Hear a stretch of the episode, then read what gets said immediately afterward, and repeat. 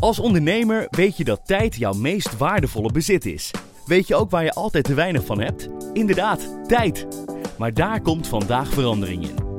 Stap nu over op Teamleader Focus. De gebruiksvriendelijke bedrijfssoftware die CRM, facturen, offertes en projectmanagement samenbrengt op één overzichtelijke plek. Zodat jij meer tijd hebt om te doen waar je echt goed in bent. Tijd om te ondernemen. Teamleader. Kijk op focusopjebedrijf.nl. Dit is Washington Calling, Remember who in God's name we are. This is the United States of America. de Amerika-podcast van de Telegraaf.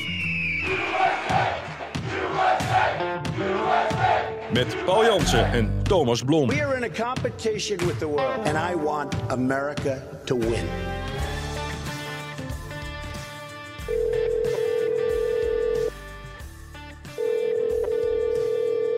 Ja, goedemorgen Paul. Goedemorgen. Goedemorgen. We moeten meteen een disclaimer plaatsen.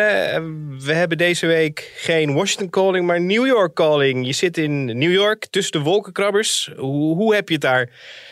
Ja, het is natuurlijk een fascinerende stad. En eh, deze week ook eh, het centrum van de wereldmacht. Want veel staatshoofden, regeringsleiders, ministers en andere hoogwaardigheidsbekleders zijn hier voor de jaarlijkse VN-vergadering. Ja. In de algemene vergadering. Dus het is hier in de stad, eh, die zoals je weet natuurlijk altijd al de stad is van, eh, van het harde geluid, zal ik maar zeggen. En de gillende sirenes.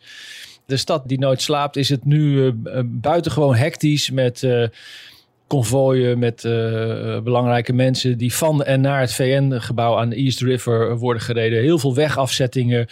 Demonstranten ook, uh, die hun kans grijpen om, ja, om een boodschap uit te dragen. Dus het is een drukte van belang en, en veel zware veiligheidsmaatregelen ook. Kom je er een beetje doorheen? Ben je er zelf ook naartoe gegaan, naar het gebouw? Ja, natuurlijk. Ja, daarvoor ben ik hier. Ja? Ik was daar uh, jaren geleden, in 2008, een keer met uh, premier Balkende al geweest. En toenmalige minister van Buitenlandse Zaken Verhagen en uh, zijn collega van ontwikkelingssamenwerking Koenders.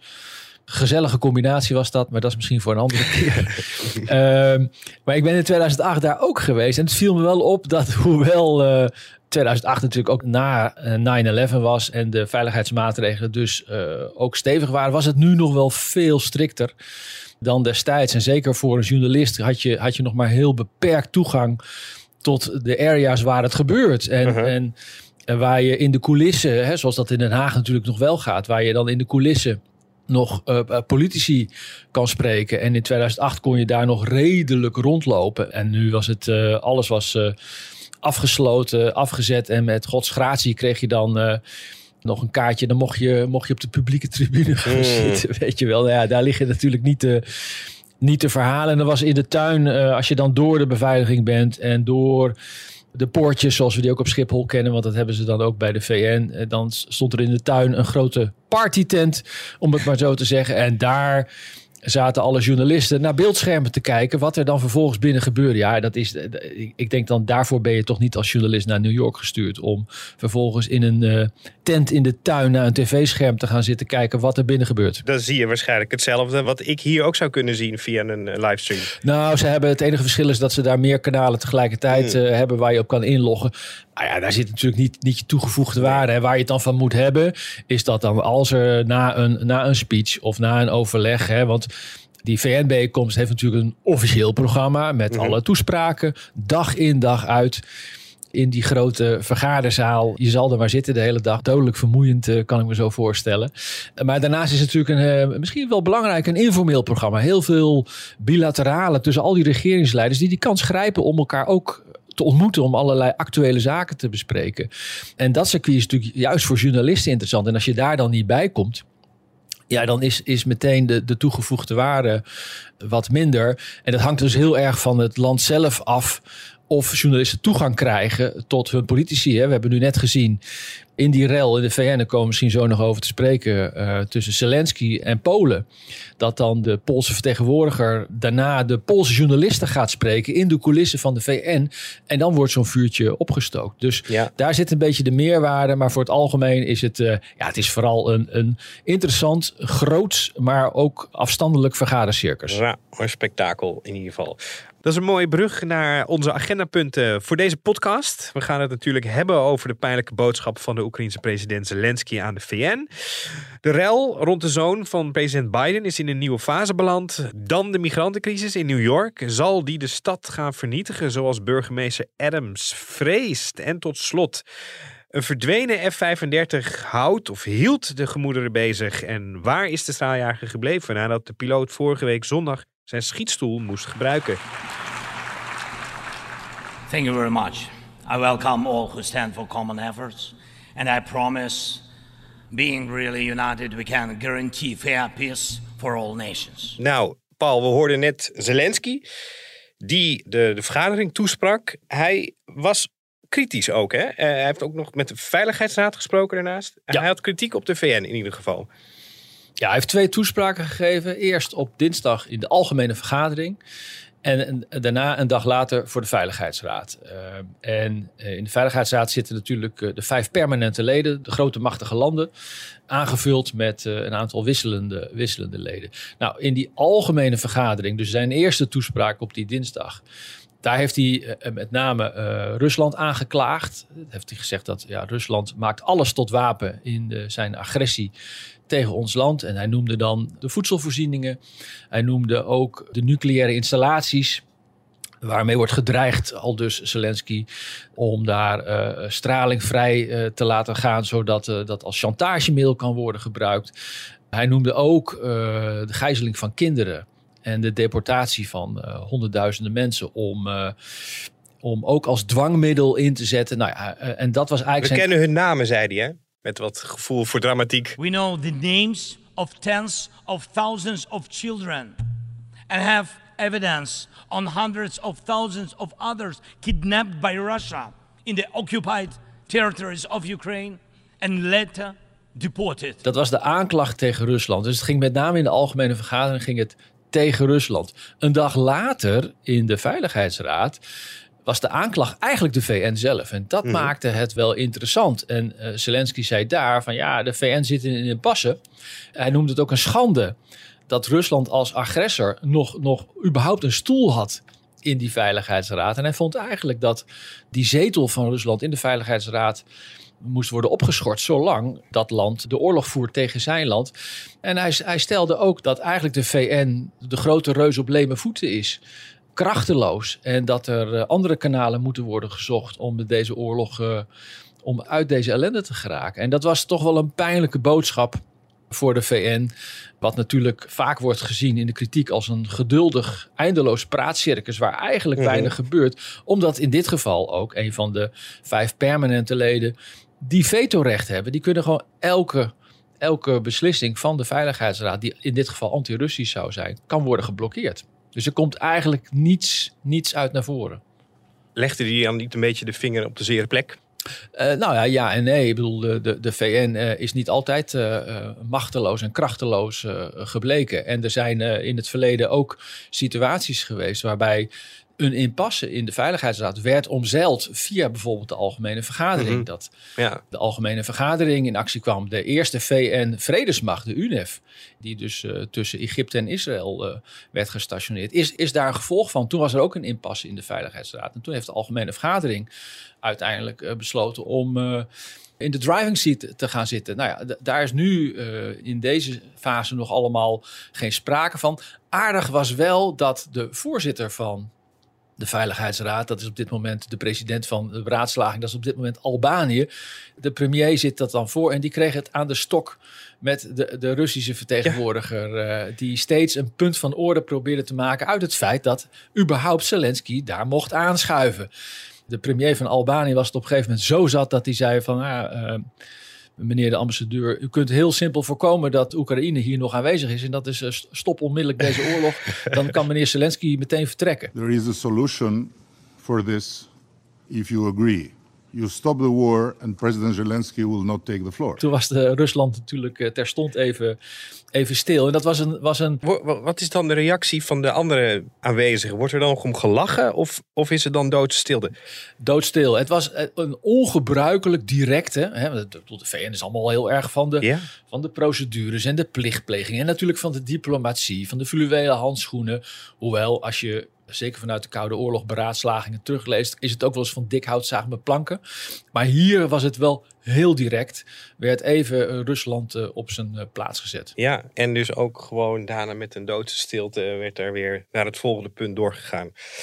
Dat is dan natuurlijk eigenlijk ook wel weer het bijzondere van zo'n VN. Hè? Dat daar alles en iedereen toch gewoon bij elkaar komt en elkaar kan spreken. Ook al. Ja, zelfs, zelfs denk, hè, we hebben natuurlijk in twee Afrikaanse landen net een coup gehad.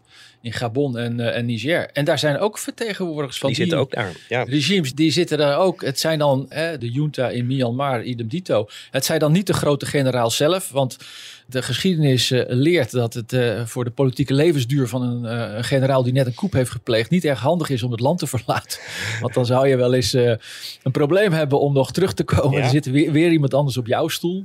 Maar het is opmerkelijk dat, dat de VN, wat toch gebouwd is op principes van een idealistische wereldorde. Dat daar eh, idealisten en machtsrealisten, goed en fout, eh, noem het allemaal maar op, allemaal samenkomt onder één dak. En eh, dat er toch met elkaar overleg is. Dat is het positieve. Het negatieve, vaak gezegd, is natuurlijk van ja, het is krachteloos. ja, je had het over de ruil tussen Oekraïne en Polen. Wat speelt daar precies? hoe het hier ging is Zelensky in zijn speech in de Veiligheidsraad eh, Polen niet bij naam noemde en andere landen niet bij naam, bij naam noemde, maar had het over een aantal Europese landen die zich voordoen als bondgenoot, maar ondertussen een andere agenda hebben eh, waarmee zij Rusland in de kaart spelen. Nou, het gaat hier in, in dit geval om een graanconflict waarbij onder andere Polen zegt, ja, wij willen onze eigen landbouwsector willen wij eh, beschermen. Nou, de Oekraïense graanexport is daarvan in dit geval de dupe. Nou ja, dat heeft Zelensky de Polen niet in dank afgenomen. En wat er dan gebeurt na zo'n sneer, waarbij niet een land wordt genoemd, maar iedereen het wel kan invullen, gaat dan de Poolse vertegenwoordiger na afloop met de Poolse media praten. En daar komt het vuurtje naar boven. Hunter Biden is suing the IRS, saying the agency unlawfully disclosed his tax information and failed to protect his private records. This has been filed days after Biden was indicted on a three felony Van Zelensky is het misschien een kleine stap naar Hunter Biden. ja, daar zijn weer ontwikkelingen.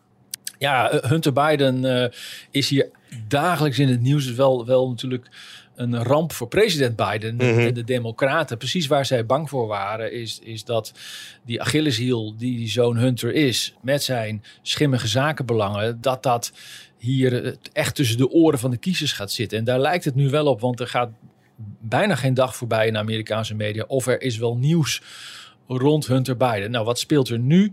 Dat zijn twee zaken. Eh, het eerste, heel opmerkelijk, dat is dat de advocaten van Hunter Biden nu zelf een rechtszaak zijn begonnen tegen de Amerikaanse Belastingdienst IRS. Nadat twee klokkenluiders van die Belastingdienst in het congres hadden getuigd dat het onder, hun onderzoek naar eh, eh, Biden, dat dat werd gedwarsboomd door andere agencies. Dat was natuurlijk een hele spectaculaire eh, getuigenis van die twee klokkenluiders.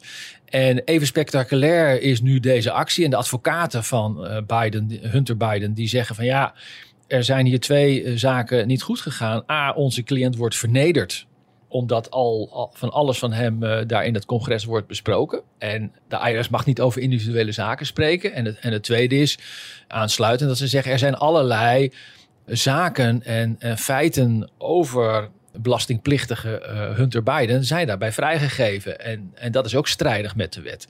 Dus de IRS wordt op de korrel genomen, maar zo wordt het hier geïnterpreteerd. Dit is eigenlijk een aanval op die klokkenluiders, intimidatie van die klokkenluiders. Als jij je mond open doet tegen de zoon van de president, dan kom je aan de beurt. En dat is natuurlijk weer met name wat de Republikeinen eh, zeggen, wat hier feitelijk gaande is. En ja, dat is toch wel weer een, een, een nieuwe fase in dit conflict. Wat helemaal gepolitiseerd is en waarbij de Democraten en Republikeinen steeds alles in de strijd gooien. Maar ik moet zeggen, het, ik vond het een verbazingwekkende stap van die advocaten van Hunter Biden om achter de klokkenluiders aan te gaan. Het is wrijven in een inkvlek, zou ik denken, als je dan weer daar weer de nadruk op gaat leggen.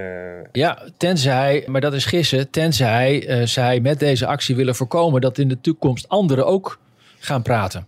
Dat zou natuurlijk kunnen. En dan, ja. Maar dat is speculatie. Dat is natuurlijk hartstikke leuk. We weten het niet. Nee. Maar, maar als dat erachter zou zitten, dan zou je beter snappen waarom je in, inderdaad nu in een vlek gaat wrijven. Ja.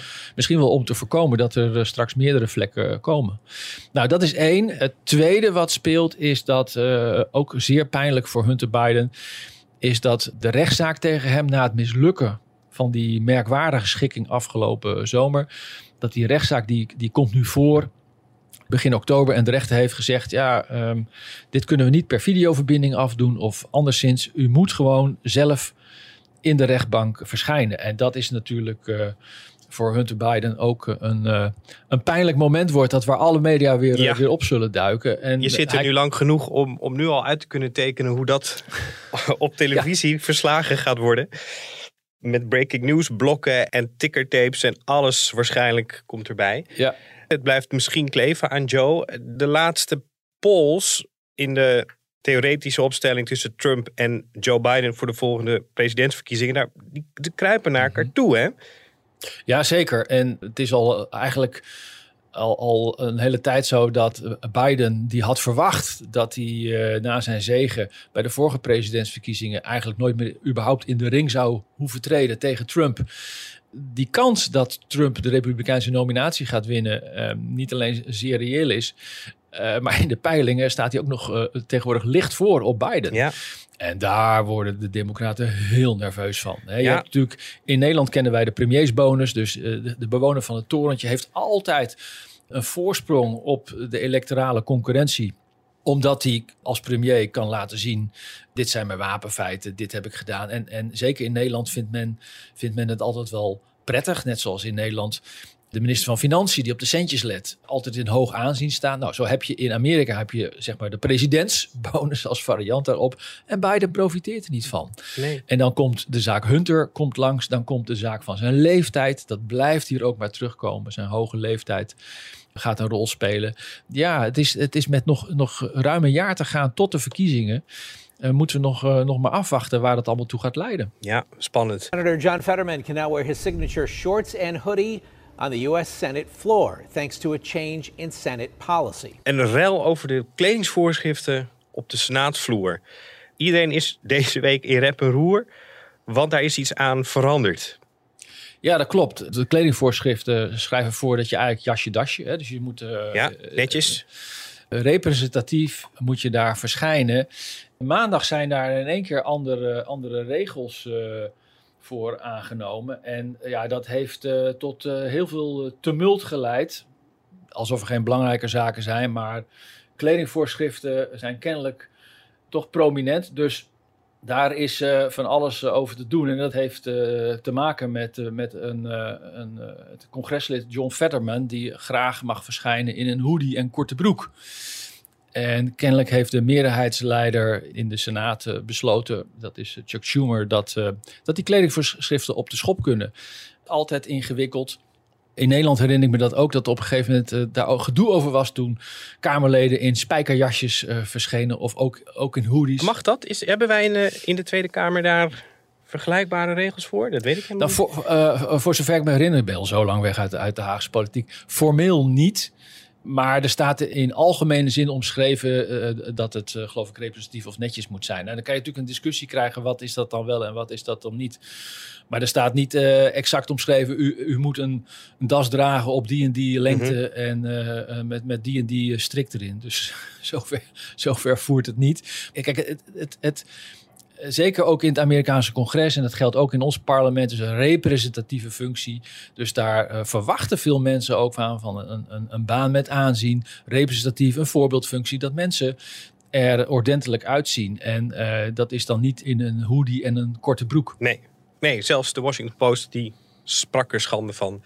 Die vond dat dat toch eh, een heilige plek was waar je erg netjes moest gaan kleden. Now to the migrant crisis that has helped spark a financial crisis in New York City. 10,000 or so new migrants still being bused to our sanctuary city every single month. Iets veel serieuzers, migrantencrisis aan de zuidgrens van de Verenigde Staten. Dat is natuurlijk al heel lang gaande, maar Biden stuurt er inmiddels eh, militairen naartoe. Eh, ook in New York gaat het mis. Zie je daar wat van als je er bent? Nou, dat is uh, in New York is natuurlijk de migrantencrisis uh, enorm opgespeeld. Er zijn hier uh, het afgelopen jaar ruim 100.000 mensen, migranten, neergestreken. Die alle opvangvoorzieningen hebben overspoeld. Er is een tekort aan alles en iedereen herkent nog wel de beelden. Ik denk ook in Nederland van migranten die op straat slapen in Manhattan. Mm Complete gezinnen op de stoep, op een kartonnetje, omdat er geen plek is in de Roosevelt Hotel. De Roosevelt Hotel is uh, het befaamde hotel wat in de coronacrisis uh, de deuren moest sluiten, is nu eigenlijk het visitekaartje van de stad New York um, aan migranten die deze kant opkomen om te laten zien dat ze met open armen worden ontvangen en goede voorzieningen krijgen. Nou, dat leek allemaal heel aardig totdat die stroom zo groot werd dat, dat het totaal niet meer te behappen was. En burgemeester Adams hier in New York, een democraat, inmiddels zegt dat de migrantencrisis de stad zal vernietigen. Dat zijn hele dramatische. Maar dat zijn ook boute-uitspraken voor een democraat. Zeker. En hij voert oorlog met het Witte Huis. Hij voert oorlog met de gouverneur. Hij zegt: Ik word onvoldoende geholpen. Dus ja, ik, ik, ik ben natuurlijk ook bij dat uh, Roosevelt Hotel wezen kijken. Waarbij je bij elke snipper nieuws hier in Amerika uh, zie je weer die beelden langskomen van. Grote uh, groepen mensen die daar voor de deur uh, liggen. En dan kom je daar bij dat hotel en dan is er, ja, was eigenlijk niks aan de hand. Er stond een bus, er liepen mensen met koffers in en uit, maar geen, geen drommen mensen voor de deur, uh, anderszins. Dus ik sprak daar ook een militair die daar een oogje in het zeil houdt. En die zei, ja, dat is allemaal de schuld van de media. Toen heb ik me even niet gezegd dat ik zelf van, van, van de media was. Maar hij had in die zin wel een punt. En ik herken dat wel, dat op het moment dat er een doorlopend nieuwsitem is, waar dan weer een, een nieuw, nieuwe fase van het verhaal wordt toegevoegd, dan gebruiken media vaak oud beeld, als er geen nieuw beeld is, om uh-huh dat item te illustreren. En als het dan weer terugkerende beelden zijn van mensen die op straat slapen, maar dat is nu eigenlijk niet meer aan de hand, dan krijg je een vertekend beeld. Ik moet er wel bij zeggen, het is nou alles behalve zo dat het migrantenprobleem hier in New York is opgelost. Het is verplaatst. Want wat is er gebeurd? Er zijn inmiddels ruim 200 noodopvanglocaties door de gemeente aangewezen. En uh, het flink deel daarvan ligt niet meer in Manhattan, maar in andere delen. Dus dan moet je denken aan eh, Staten Island en, en Queens. En in Queens is bijvoorbeeld een, uh, een psychiatrisch ziekenhuis. Daar op het terrein daarvan is een groot tentenkamp neergezet. Waar ik geloof ook een kleine duizend alleenstaande jonge mannen migranten worden, worden ondergebracht. En ik sprak ook een oud politieman uit de wijk die daar zegt van ja, het is hier chaos. Ze urineren op straat, Mhm. mensen hangen rond. Het is vlakbij een school, dus, dus het probleem verplaatst zich naar de buitenwijken Ja. van New York. En mensen voelen zich daar overvallen en onveilig. En het protest groeit daar. De beelden worden van het Roosevelt Hotel gebruikt. Is er dan ook meer buitenbeeld voor de media? Nou ja, dat vroeg ik mij dus ook af. Want het is wel gek eh, dat ze. De lokale media zie je wel. Want er Ja. is. eh, nou, om de zoveel tijd is er dan weer een, eh, een betoging in Staten Island of in Queens of in een andere buitenwijk. En lokale media zie je daar nog wel over berichten. Maar de landelijke, de grote networks, die, die blijven toch veel, veel al die oude beelden herhalen. En ja, eh, ik heb toch een beetje het- inderdaad het idee dat het komt omdat ja, Manhattan, als, als het daar gebeurt, wordt Precies. toch gezien als heftiger en eh, in your face dan als het eh, in, een, in een buitenwijk gebeurt. Dat is toch het, het decor dat we allemaal kennen.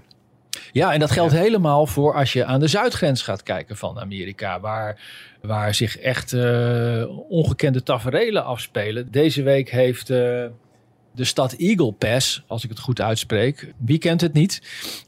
aan, aan de zuidgrens met Mexico, een stad van eh 30.000 inwoners. Die heeft de, de noodtoestand uitgeroepen omdat ze overweldigd werden door de grote aantallen migranten. In een week tijd kwamen daar 11.000 mensen binnenstromen op een stad van 30.000. Nou ja, dat gaat natuurlijk niet passen. En ik vroeg mij ook af van ja, hoe kan het nou dat als er zoveel mensen illegaal de grens oversteken, dat ze uiteindelijk dan met, in New York belanden en hier worden opgevangen, et cetera, in plaats van worden teruggestuurd. Nou ja, het, is, het, het, het Amerikaanse eh, migratiesysteem wordt nog veel meer dan wij dat in Nederland eh, met Ter Apel kennen, wordt, wordt, wordt eh, overweldigd en kan de toestroom gewoon niet aan. En, en waar het eigenlijk beleid is om mensen terug te sturen, accepteert Mexico alleen nog maar afgewezen migranten uit eigen land en een paar buurstaten. En de anderen die worden niet geaccepteerd, dus die moeten met vliegtuigen worden Dus die teruggevlogen. kunnen Ja, niet weer terug de grens Nee, en, daar, Nee. en daar is geen capaciteit voor.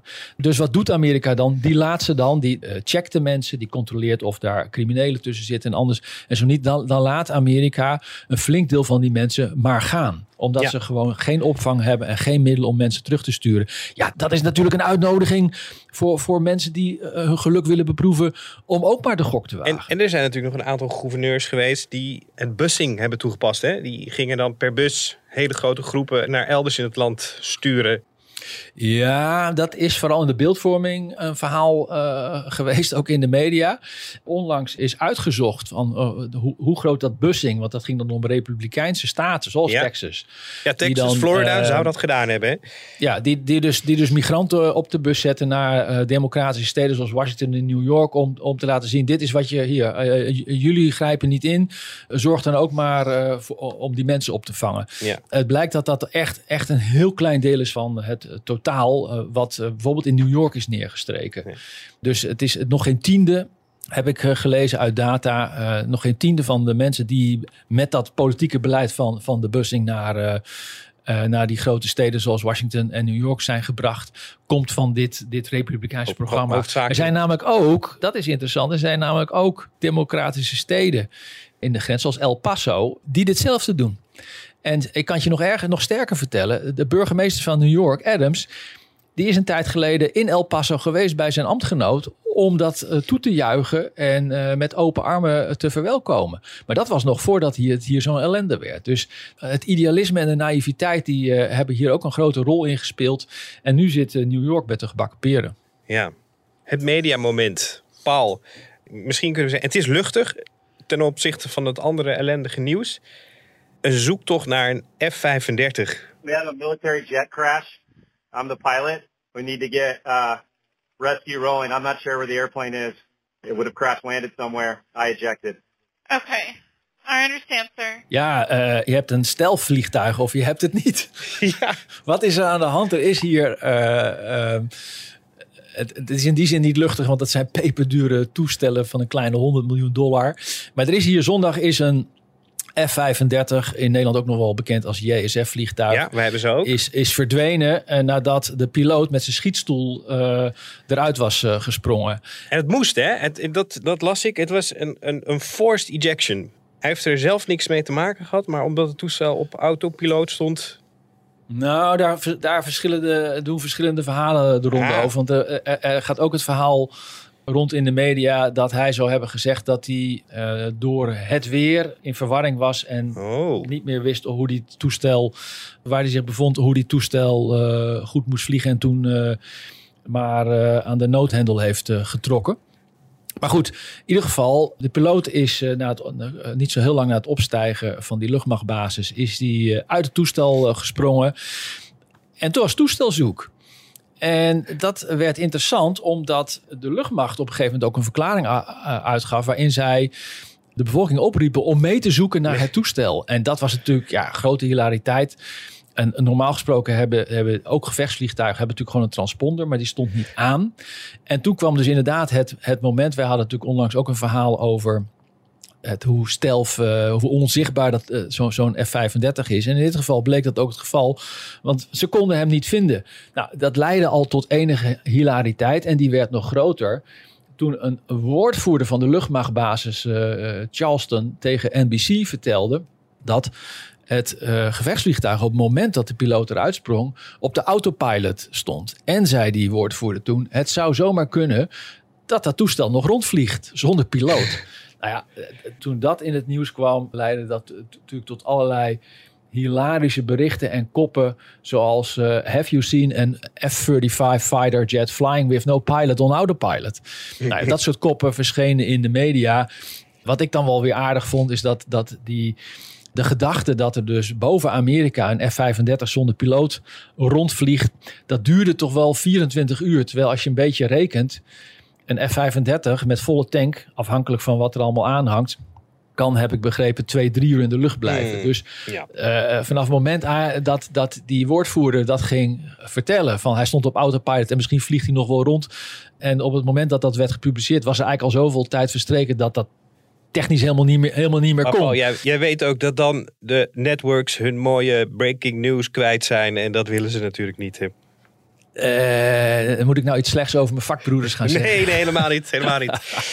Nee, het, het viel wel op dat, dat notabene een, echt een dag later, dus op maandag, er nog steeds berichten met die strekking eh, werden gedeeld in de media. Terwijl, ja, dat is bijna 24 uur later. Ja. Dat is, als het al theoretisch zou kunnen dat een toestel op de autopilot eh, eh, zou blijven vliegen zonder piloot, dan was het al vanwege brandstofgebrek en niet meer zo lang mogelijk. Ik, eh, ik denk in ieder geval dat het niet benijden is om die piloot nu te zijn die hier verantwoordelijk voor is. Nee, die heeft het gelukkig misschien wel overleefd. Dat wel, dat gelukkig. maar die zal wel aan een pittig verhoor worden onderworpen. Dat denk ik ook. Tot slot, Paul, volgende week. Wat hebben we op de agenda staan in Amerika?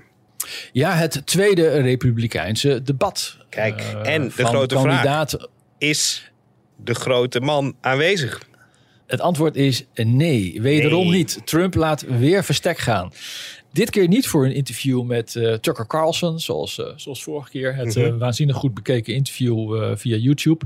Maar strategisch slim, Trump die gaat weer zijn eigen nieuwsmoment creëren, want die reist af naar Detroit. En in de autostad wordt natuurlijk op dit moment een historische staking Juist. uitgevochten met werkgevers. Trump die wil daar op de dag dat zijn concurrentie probeert eh, in, ook in de, in de picture te komen bij, eh, bij de kiezer, wil Trump daar natuurlijk zijn eigen moment creëren en vermoed ik zomaar opzichtig hengelen naar steun van de, de vakbonden, de, auto, de machtige autovakbonden daar, die tot nu toe, de grootste, de UAW, heeft tot nu toe geweigerd zich nog uit te spreken voor Joe Biden, wat ze in het Mhm. verleden wel hebben gedaan. Dus Trump ziet kennelijk een kans, reist af naar Detroit. En ja, Trump zou Trump niet zijn als hij daar eh, ook weer eh, ervoor zorgt dat hij spektakel creëert en in de aandacht komt. Absoluut. En de wonderen zijn de wereld nog niet uit. Een republikein die elbows gaat rubben met de vakbonden in Detroit. Dat is heel opmerkelijk. Zeker als je, als je ziet dat Trump onlangs tegen diezelfde vakbonden heeft gezegd. Met, want die hadden een, eh, een looneis van tegen de 40% eh, op tafel gelegd. eh, Dat Trump daar heel kritisch over was. En zei van ja, zo maak je je eigen industrie kapot. En, en, en dan gaan de, de autofabrikanten gaan weer naar, naar China. Zoals Trump dat dan zegt. Maar ik ben heel benieuwd hoe hij op zijn eigen manier dit straatje voor hem weet te winnen. Ja, we gaan het er ongetwijfeld volgende week over hebben. Paul, ik wens jou een goed weekend.